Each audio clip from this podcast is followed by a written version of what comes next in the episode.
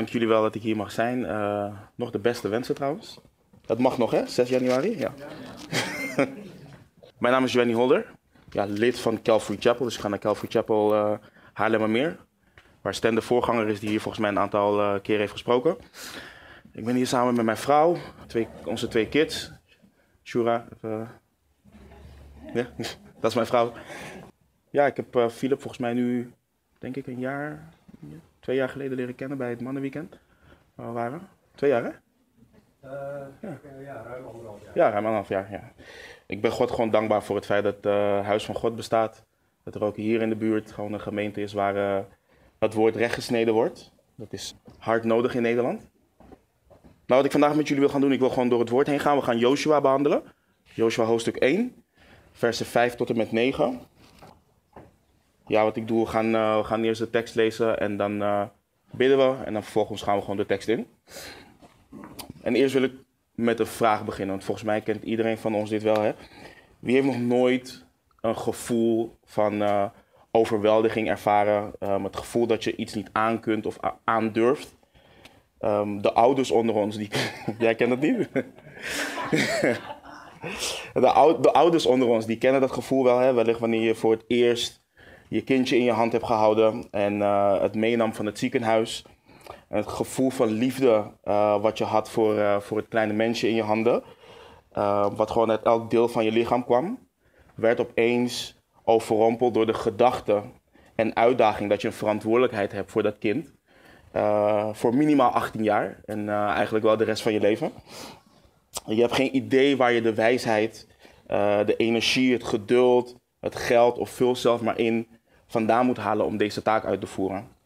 Of wellicht je het gevoel vanuit je baan, de druk op het werk, de steeds meer toenemende eisen, het gevoel dat je verdrinkt in alles wat er op je afkomt. En misschien ken je het gevoel zelfs wel vanuit je financiën. Uh, ongeacht hoe zorgvuldig je ook met potjes schuift, er blijkt uiteindelijk altijd meer maand aan het einde van je geld. En um, je hebt het gevoel dat je het gewoon niet gaat redden aan het einde van de maand. En dan heb je nog het allerbelangrijkste, je persoonlijke relatie met God. Um, jouw relatie met God, het christen zijn, alles wat erbij komt kijken. Uh, je hebt een gevoel van onzekerheid, angst. Hoe ga je dit doen? Hoe ga ik die ene zonde overwinnen? Um, hoe vervul ik de grote opdracht, het maken van discipelen? Hoe dien ik God? Hoe dien ik zijn kerk?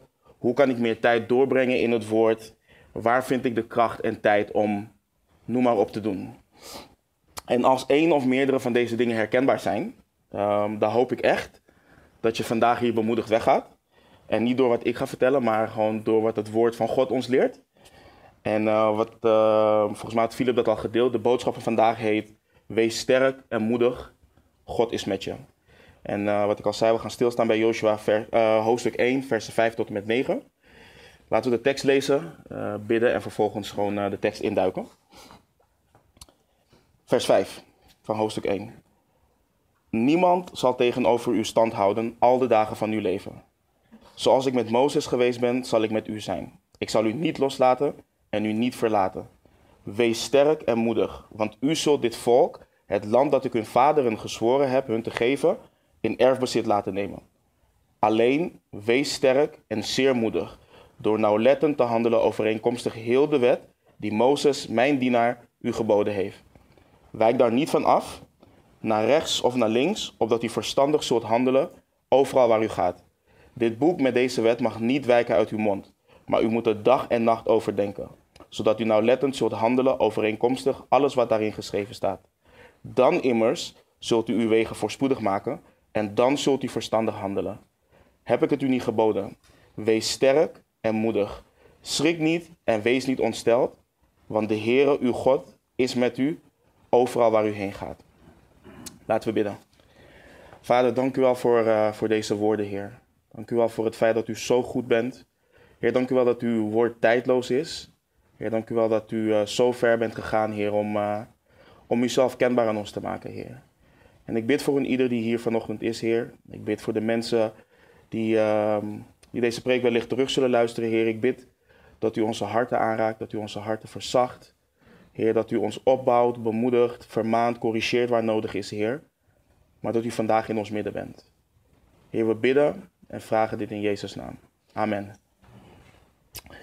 Als je de voorbeelden herkent die ik uh, net heb genoemd, probeer je dan te verplaatsen in de schoenen van Joshua. En om dit te doen is het belangrijk om context te schetsen. Het volk Israël werd al 40 plus jaar geleid door Mozes. En Mozes was niet zomaar iemand. Mozes was niet zomaar een man uit de geschiedenis. Mozes was de man waaraan God is verschenen in een brandende struik. God had Mozes gebruikt in een van de belangrijkste events uh, in de geschiedenis van de mens, namelijk de uittocht van het volk Israël uit Egypte. De Israëlieten hadden Mozes gebruikt zien worden om de Rode Zee te splijten. Mozes heeft de glorie van God aanschouwd. En Mozes was degene die de geboden van God had gekregen. En dat waren dan ook de schoenen die Joshua moest vullen als nieuw leider van het volk Israël. De schoenen van de grote Mozes. En de Heere roept en zegt in vers 1 of uh, uh, um, eerder in, um, in het hoofdstuk: Nu dan, sta op, steek deze Jordaan over, u en heel dit volk, naar het land dat ik aan hen, de Israëlieten, ga geven. En het kan niet anders dat Joshua angstig was. Want als je leest, de Heer bemoedigt hem niet één keer, maar drie keer. In vers 6, wees sterk en moedig. In vers 7, wees sterk en zeer moedig. En in vers 9 weer, wees sterk en moedig.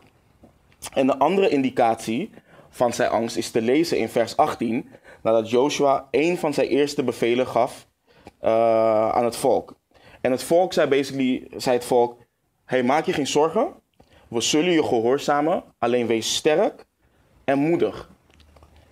En door ervaring heb ik geleerd dat wanneer de Heer spreekt, dat Hij je aandacht verdient en je hoort te luisteren. Maar wanneer Hij iets drie keer zegt, dan is het nog serieuzer dan serieus. En dan moeten we onze oren echt gaan spitsen. En Joshua heeft het blijkbaar nodig. En wat ik mooi hiervan aan vind is, onze God die we dienen is geduldig en hij is duidelijk. Hij roept niet zomaar, hij weet ook dat hetgeen waartoe hij jou roept, menselijk gezien niet niets is. Hij roept, bemoedigt en hij troost tegelijk. En deze bemoediging die Joshua krijgt is niet alleen voor hem. Het geldt voor een ieder van ons in deze ruimte. En ik weet, niet van, ik weet vandaag niet wat, wat, wat jullie angsten zijn. Ik weet niet waar jullie tegenaan lopen. Maar de Heer zegt wel, wees sterk en moedig. En een aantal van jullie hebben onze broeder uit Haarlemmermeer, Casper, ook wel eens ontmoet. Volgens mij heeft hij ook wel hier gesproken. De mannen kennen hem waarschijnlijk van het mannenweekend nog. En Casper um, vroeg me een keer om in Nieuw-Vennep, hij doet daar de woensdag, uh, woensdagstudies. En hij vroeg me een keer om uh, de woensdagstudie van hem over te nemen. En uh, zodat hij de fellowship bij ons in, in Almere kon bijwonen. En ik was, ik, schoen, angst zakte in mijn schoenen, gewoon alles. Ik, er kwam een vrees over me heen. En ik dacht, deze mensen in Nieuw-Vennep zijn Casper elke week gewend. Week in, week uit. Hij gaat met ze door Leviticus. Er is bijna geen kerk die door Leviticus heen gaat. Um, ik, ik, hij wandelt al zo lang met de Heer. Ik, in mijn gedachten was ik, wie ben ik, Heer? Ik kan het niet zoals Casper. Uh, ik kan geen studies geven zoals Stan of als Delano. Um, ik heb niet de Bijbelkennis die zij hebben. Uh, ik ben nog, toen, nog geen drie jaar geleden, tot geloof gekomen. En het kon niet duidelijker in mijn oor klinken. Wees sterk en wees moedig. Ik heb jou niet geroepen om zoals Stan, Casper of Delano te zijn. Als er één iemand is waarop jij hoort te lijken, is het mijn zoon Jezus Christus. Als er iemand is zoals, jij, als, zoals wie jij hoort te zijn, is het mijn zoon. En Casper is niet geroepen om Casper te zijn. Hij is geroepen om als Christus, Christus te zijn. En dat geldt voor elke Bijbelleraar waar we tegenop kijken of die we interessant vinden.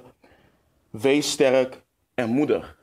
En dan is de eerste vraag, ja, wat, wat kun je daarop zeggen als de Heer dat tegen je zegt? En eh, veel van ons kennen dat wel als we bijvoorbeeld uh, interesse hebben in sport of als, als, we vroeger ooit zelf hebben gesport. Voorafgaand een wedstrijd uh, geeft een trainer zijn team vaak een pep talk. Um, wees sterk, zou hij kunnen zeggen. Geef 110%. Geef alles, hou niets achter. Wees moedig. Je hebt het in je, je kunt het. Maar dat is niet wat de Heer doet met, met Joshua. Of met jou of met mij. Dit is geen pep talk om ons op te peppen. En sommige woorden klinken vergelijkbaar als wat een coach doet. De Heere zegt dus: wees sterk en moedig. Maar de vraag is dan: wat is de, wat is de bron van onze kracht en onze moed? God zegt niet tegen ons: jij kunt het, je hebt het in je. Zoek gewoon je innerlijke kracht en zet je schouders eronder. Nee, God wijst Joshua en ons een andere richting op. En God zegt: wees sterk en moedig, want de Heere, uw God, zal met u zijn. En daar is onze kracht en moed van afhankelijk. En dit is, dit is hele andere koek. Want de wereld leert ons dit niet. De wereld leert ons alles van onszelf te verwachten. Alle kracht uit jezelf putten. Maar de levende God van de Bijbel doet dat niet. Hij wijst ons altijd naar zichzelf. En ik denk uh, aan de apostelen uh, in Johannes 15, vers 5. Um, de, Heere, de Heere Jezus zegt het volgende. Ik ben de wijnstok, u de ranken. Wie in mij blijft en ik in hem, die draagt veel vrucht. Want zonder mij kunt u niets doen. En kun je, je, je moet je proberen het voor te stellen. Hè? De apostelen wandelen al zo lang met de Heer Jezus. Ze krijgen het nieuws te horen dat hij zal sterven, dat hij een plaats voor ze gaat voorbereiden. Ze hebben alle zekerheid die ze in de wereld hadden opgegeven om Jezus Christus na te volgen. Dag in, dag uit waren ze met de Heer Jezus. En opeens zegt de Heer Jezus: blijf in, blijf in mij. Zonder mij kun je niet.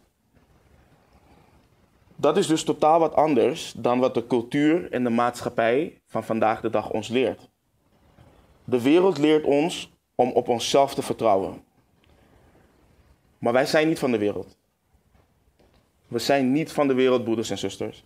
De Heere belooft Joshua dus dat hij het land aan hen gaat geven. En dat is, dat is ook de focus voor ons. Hij belooft dat hij met Joshua zal zijn. En het belangrijkste is dat hij belooft dat hij Joshua nooit zal verlaten. Joshua hoefde alleen kracht en moed in God te vinden. En waarom? Omdat het God was die al het werk ging doen. Er was niets dat, plaats, dat, dat zou plaatsvinden in het leven van Joshua of in de, in de levens van de kinderen van Israël, waar God niet betrokken bij zou zijn. Elke stap die Joshua nam, elk stuk land dat hij claimde, elke strijd die hij won, zou het directe gevolg zijn van het feit dat het God was die al het werk deed. En misschien ga jij vandaag de dag, misschien ga jij nu ergens doorheen. En misschien lijkt het alsof jouw situatie een bodemloze put is. En lijkt God mijlenver. En misschien begin je zelfs te geloven dat Hij er niet is. Broeder, zuster, ik wil je vandaag zeggen: hou je ogen gericht op de Heer. We dienen een God die niet liegt. Hij zal ons niet verlaten. Hij zal ons nooit verlaten. En mij valt het op dat wanneer angst komt opspelen, of wanneer ik echt iets groots moet gaan doen, dat de focus heel snel naar mijn angst of naar mijzelf kan verschuiven. En dat was ook dus mijn eerste gedachte toen ik de studie in Nieuw-Vennep ging geven. Ehm, hoe ga ik dit doen? Wat ga ik vertellen? Ikke, ikke, ikke, ikke. Maar er is geen ik. Wat ik, jullie, Joosje, wat wij allemaal nodig hebben om sterk en moedig te zijn, om het werk te vervullen wat de Heer voor ons klaar heeft liggen, is de kracht van de Heilige Geest werkzaam in ons leven. De veranderende kracht die elke dag meer en meer op Christus doet lijken. En kijk, laten we even teruggaan. Voordat Joshua deze taak kreeg, lezen we in Deuteronomium 34, vers 9. Joshua nu, de zoon van Nun, was vol van de geest van wijsheid. Want Mozes had zijn handen op hem gelegd. Daarom luisterden de Israëlieten nu naar hem. En zij deden zoals de Heere Mozes geboden had. Als we in Nummerie 27, vers 18 lezen, toen zei de Heere tegen Mozes, neem Joshua bij u, de zoon van Nun, een man in wie de geest is, en leg uw hand op hem.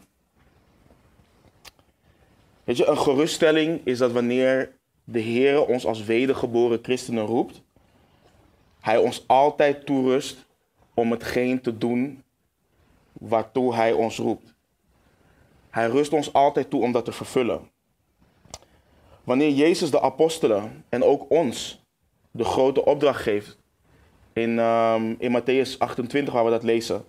Ga dan heen, onderwijs al de volken, hen dopend in de naam van de Vader en van de Zoon en van de Heilige Geest. Hun lerend alles wat ik u geboden heb in acht te nemen.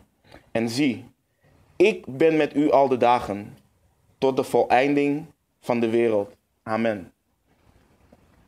Een grote angst wat, wat ehm, men vaak heeft bij het vervullen van de grote opdracht. Ik neem nu even evangelisatie, want ehm, de grote opdracht is meer dan evangeliseren alleen. Ehm, is de angst om dom gevonden te worden. En stel je hebt, je gaat de straat op, je gaat midden in de stad staan, je gaat met Philip mee. En je hebt hele slimme mensen om je heen. mensen die niet geloven in God. Wat zullen ze wel niet van je denken? Ze zullen je, wel, ze zullen je niet eens alleen dom vinden, maar ook raar. Je, je gelooft in een God die niemand kan zien. En misschien ben je ook bang voor de realiteit dat iemand niet direct tot geloof komt. Maar de echte realiteit is dat wij mensen niet tot geloof brengen. Wij brengen mensen niet tot bekering. Het is God de Heilige Geest die dat werk doet. En wat wij moeten doen, is sterk en moedig zijn. Dat God met ons is. En misschien vraagt de Heer van jou om andere, om, om andere stappen te zetten in je geloof. Om überhaupt stappen te gaan zetten in je geloof. Maar ben je onzeker en vraag je jezelf af: hoe ga ik dit klaarspelen? Hoe ga ik dit doen? En wat mij bemoedigt, en waar ik het net al ook eerder over had, het is niet Mozes die de Rode Zee spleet. Het is niet Mozes die de Israëlieten mannen gaf. Het is niet Joshua die Israël het beloofde land had gegeven. Als je bijvoorbeeld kijkt naar de wijsheid die Philip op woensdag en zondag deelt, overbrengt, Onno, Peter. Het komt niet van hun. Het is de Heere die het werk in en door al deze mensen heen doet. En wat Joshua maar al, te goed snapte, wat de profeten ook al te goed snapten, het draaide niet om hun. Zij waren slechts instrumenten in Gods handen in het plan wat hij al van tevoren had uitgestippeld. En dan is de vraag, als we dit nu weten, als we dit nu lezen, hoe moet dit allemaal? Hoe maakt hij ons sterk en moedig? En we hebben het antwoord gelezen. Lees opnieuw vers 8 van Joshua 1. Dit boek met deze wet mag niet wijken uit uw mond, maar u moet het dag en nacht overdenken, zodat u nauwlettend zult handelen overeenkomstig alles wat daarin geschreven staat. Dan immers zult u uw wegen voorspoedig maken en dan zult u verstandig handelen. We weten dat Joshua in die tijd niet de volledige Bijbel had zoals wij dat vandaag de dag hebben. Sterker nog, ik denk dat hij op dat moment waarschijnlijk alleen de wet had die hem door Mozes gegeven was. Maar God zegt dat het gegrond zijn in die wet absoluut noodzakelijk is voor Joshua's kracht en moed. Joshua zou de wet van binnen en van buiten moeten kennen. En God maakte duidelijk dat hij de wet moest kennen en dat hij die wet moest gehoorzamen en navolgen. En wat was het gevolg van het feit dat Joshua zijn kracht en moed alleen in God vond en volledig gegrondvest was in het woord? Als we het einde van vers 8 weer opnieuw lezen. Dan immers zult u uw wegen voorspoedig maken en dan zult u verstandig handelen. Weet je, ik, ik vind het lastig altijd dat ik deze disclaimer erbij moet zetten, omdat vandaag de dag, als je het hebt over de wet, als je het hebt over lees je Bijbel, ehm, ehm, als, je, als je broeders en zusters aanspoort om iets te doen, dan kun je al heel snel een legalist tegenwoordig genoemd worden. En ik heb alle vertrouwen dat jullie mij geen legalist zullen noemen. Een legalist is iemand, um, wat ze ook noemen, wetties. Iemand die de wet wil navolgen en daarmee zichzelf goed in de ogen van God wil uh, maken. Of allemaal wetten voor zichzelf bedenkt. Om op die manier um, rechtvaardig in Gods ogen te staan. Om goed voor God te staan. En dat gebeurt tegenwoordig heel snel. Um, je hoort vandaag de dag heel snel. Nee, ik heb alleen Jezus liefde nodig. Ik, hoef de Bijbel niet. Um, het draait om een persoonlijke relatie. En als je, als je dat zegt, maar de Bijbel niet leest, dan, heb, dan, heb je de Bijbel, dan snap je er dus eigenlijk niks van. Um, dus we lezen niet het woord van God zodat dat ons rechtvaardig maakt en we daarom goede christenen zijn. We lezen ook niet het woord van God dat het materieel gezien goed met ons zal gaan. Ehm, alleen geloof in Jezus Christus redt ons, maakt ons rechtvaardig en geeft ons überhaupt het recht om onszelf christenen te noemen. En de rijkdom die wij hebben is geestelijke rijkdom, niet per se materiële rijkdom. Maar ik geloof wel, en de Bijbel laat dat ook zien, dat het lezen van de Bijbel vandaag de dag, ook al vallen we niet onder de wet, onmisbaar is voor de groei van een wedergeboren christen. Het is onze voeding. Het is niet voor niets dat 2 Timotheus 3, 16 en 17 leren. Heel de schrift is door God ingegeven en is nuttig om daarmee te onderwijzen, te weerleggen, te verbeteren en op te voeden in de rechtvaardigheid, opdat de mens die God toebehoort volmaakt zal zijn tot elk goed werk volkomen toegerust. Dit gebod aan Joshua geldt vandaag de dag ook voor ons. En ik heb het over het hele woord. Het Oude Testament, het Nieuwe Testament. Het bemoedigt me dat jullie woensdag met Daniel gaan beginnen. Um, weet je, heel veel mensen claimen ook dat het Oude Testament niet meer relevant is. Maar als we lezen wat Paulus hier schrijft, heeft hij het over het Oude Testament, omdat het volledige Nieuwe Testament nog niet eens volledig geschreven was op dat moment. Dus het hele boek, de hele Bijbel, is vandaag de dag voor een wedergeboren christen nodig om te groeien. We kunnen er niet zonder. Net zoals het fysieke lichaam water en brood nodig heeft, heeft onze geest het woord van God elke dag nodig. Dus wat betekent dit praktisch? Het klinkt heel simpel en het is het ook. Lees je Bijbel elke dag. Volgens mij kent iedereen dat nummer toch? Lees je Bijbel, bid elke dag dat je groeien mag. dus lees je Bijbel elke dag. En lees het niet om te lezen zodat je een, checkvink, uh, of een checkbox kunt markeren van oké, ik heb vandaag mijn Bijbel gelezen. Lees het om fellowship te hebben met de levende God. Mensen, het is iets bijzonders hè, dat de schepper van het universum zichzelf kenbaar aan ons wil maken. En zichzelf kenbaar aan ons heeft gemaakt. Het is een God, de enige God, die wil dat wij Hem kennen. Lees het om te groeien. Lees het om te weerleggen. Lees het om te verbeteren. Lees het. Overdenk het dag en nacht. En Gods woord is niet alleen voor noodgevallen, maar voor dagelijks gebruik. Mediteer erop. Dat wil zeggen, denk erover na en vraag jezelf af: wat zegt God in dit gedeelte?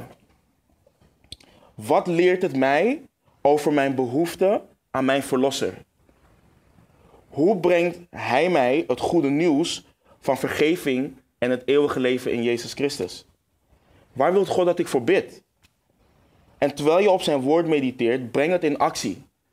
Breng het in, voer het uit. En niet alleen de, de, de delen die we leuk vinden, maar alles.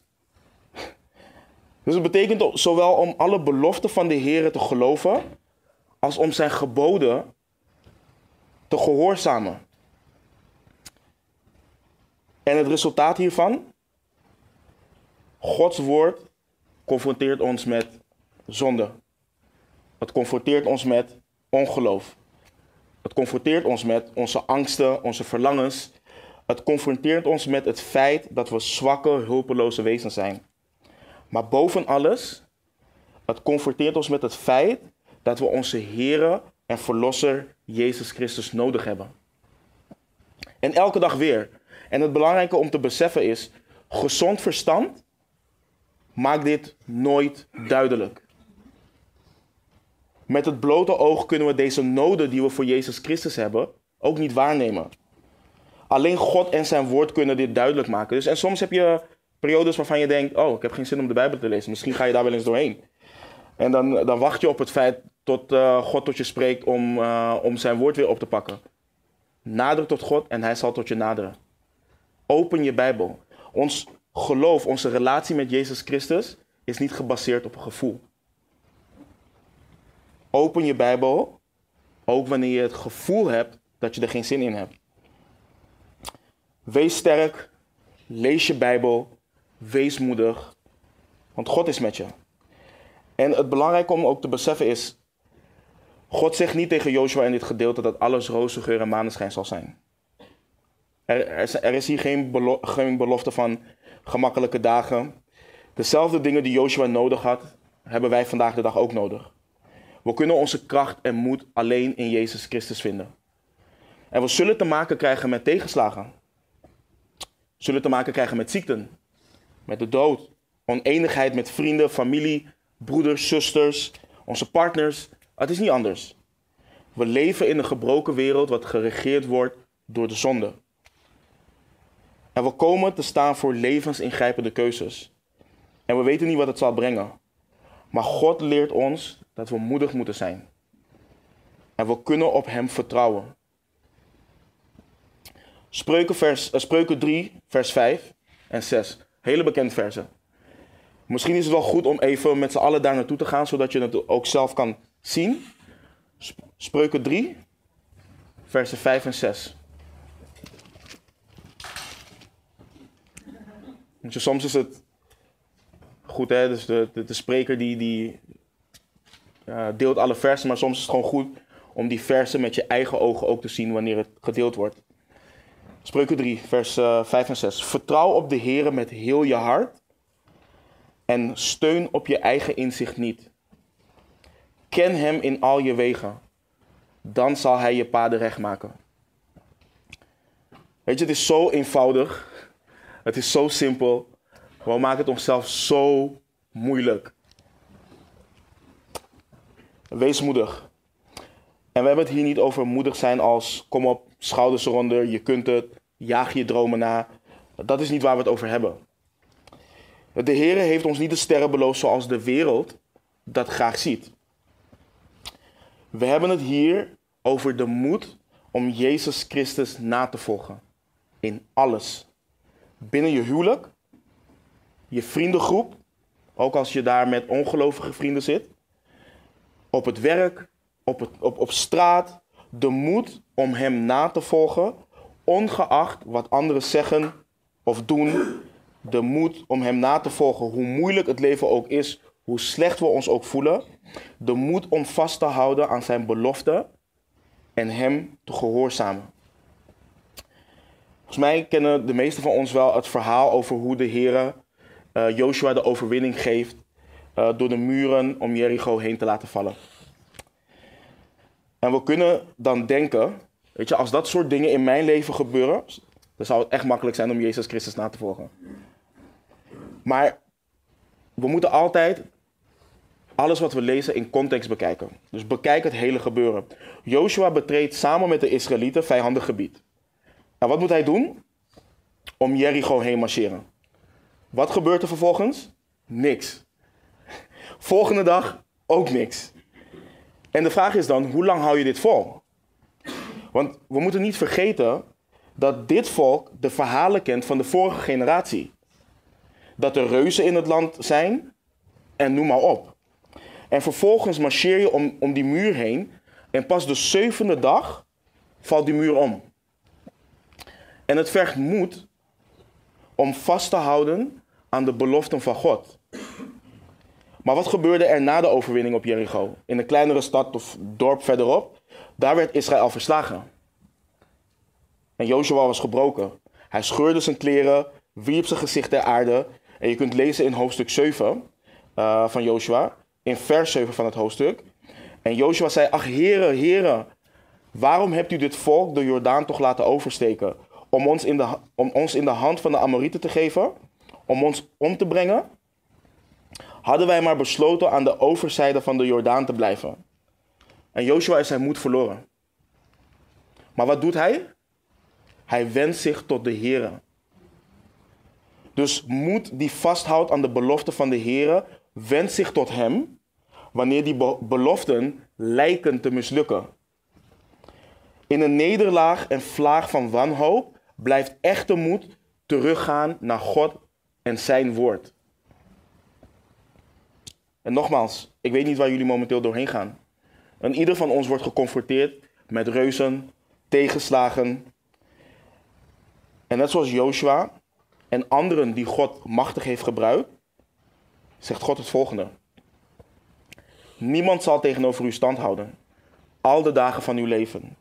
Zoals ik met Mozes ben geweest, zal ik met u zijn. Ik zal u niet loslaten en u niet verlaten. Een van de uh, moeilijkste perioden in mijn leven was toen mijn vrouw in het ziekenhuis was. Um, um, ze was dus zwanger van onze tweede dochter. En ze ging ziekenhuis in, ziekenhuis uit. Um, ze was uitgedroogd. Denk dat ze in een maand wel acht of negen keer is opgenomen. En het, het, alles leek tegen te zitten. Het ging niet goed met onze oudste dochter. Uh, ik leefde in de auto. Het, het was gewoon helemaal. Het was, alles zat gewoon tegen. En ik snapte niet waarom alles gebeurde. En ik. Um, in, in, in, in Flevoland praten wij wel eens over een pity party, wat je in het Engels noemt. Dan zeggen wij dat als een man een pity party heeft, dan doet hij zijn jurk aan en dan gaat hij een beetje lopen huilen in de hoek. En dat is eigenlijk ook een beetje wat ik deed. Ik was, aan het, ik was echt, ik, heren, wat gebeurt er? Waarom gebeurt dit? En um, spreekwoordelijke jurk, hè? dus niet uh, fysiek. maar, maar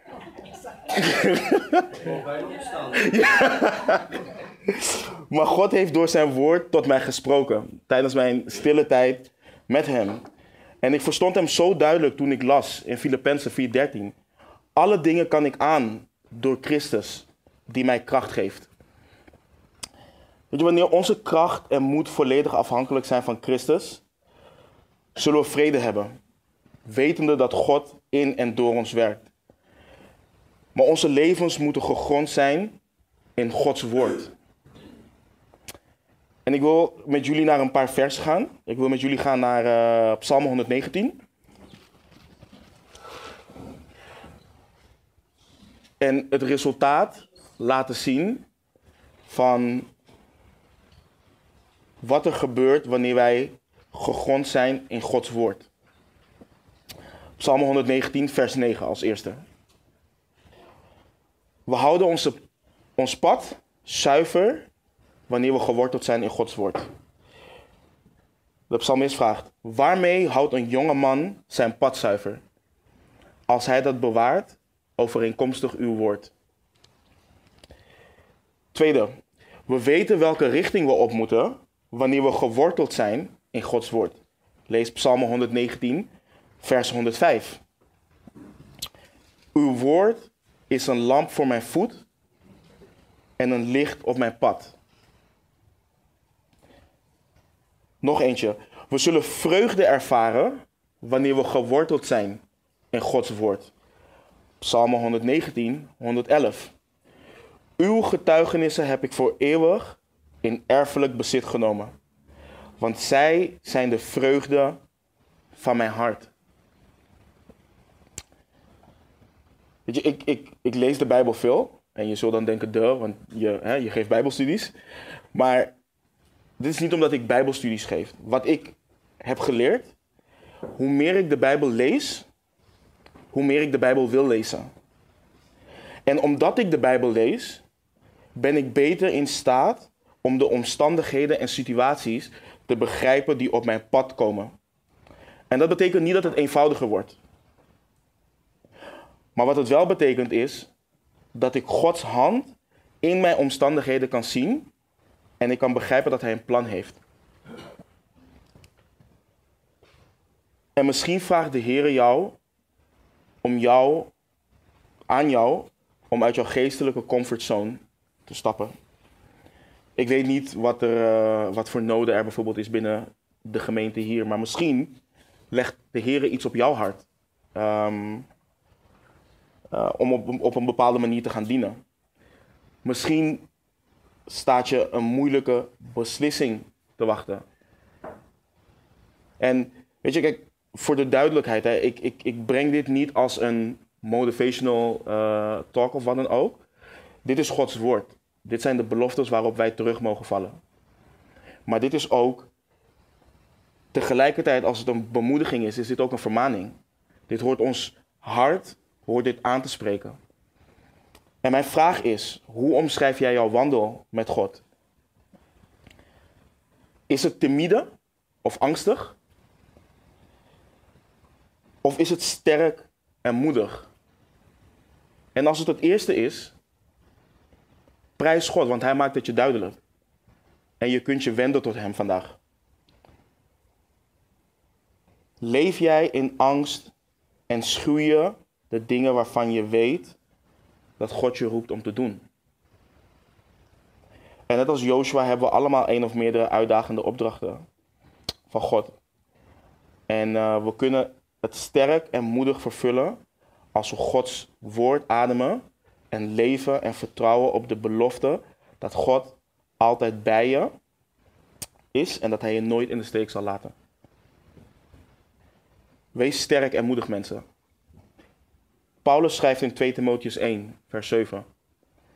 Want God heeft ons niet gegeven een geest van vreesachtigheid, maar van kracht en liefde en bezonnenheid. Weet je, vaak kennen we de versen die we lezen, ehm, als we de Bijbel ook veel lezen, maar het kan gewoon zijn dat die dingen ons, onze aandacht gewoon ontsnappen of wat dan ook. En daarom, wat ik ook al eerder zei, lees je Bijbel om fellowship te hebben met de Heer. Zodat Hij jou kan laten zien waar je misschien afdwaalt in het leven. Waar je misschien ongehoorzaam bent in je relatie met Hem.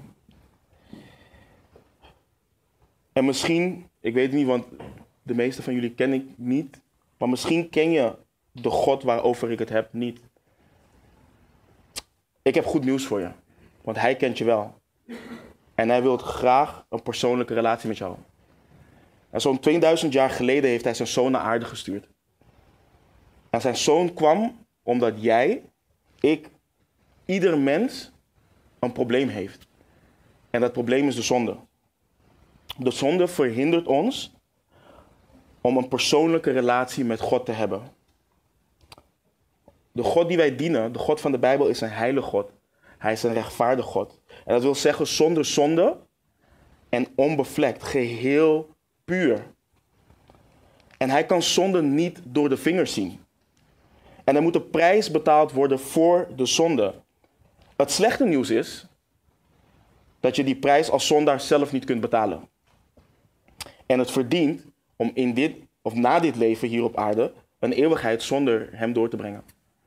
Dat is wat de Bijbel de hel noemt. Het goede nieuws is, die prijs is al betaald. Jezus Christus stierf aan het kruis en betaalde de prijs die wij zelf niet konden betalen. Door zijn leven, dood en wederopstanding kunnen wij door geloof in Jezus Christus vergeving ontvangen voor onze zonde en die persoonlijke relatie aangaan met God. De relatie waarvoor we gecreëerd zijn. We kunnen aanspraak maken op de beloften die Hij hier doet.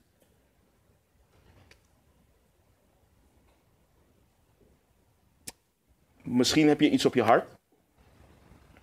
En um, misschien wil je bidden na de dienst. En um, kan met Philip bidden. Ik denk eh, Delano kan je ook mee bidden. Onno. Um,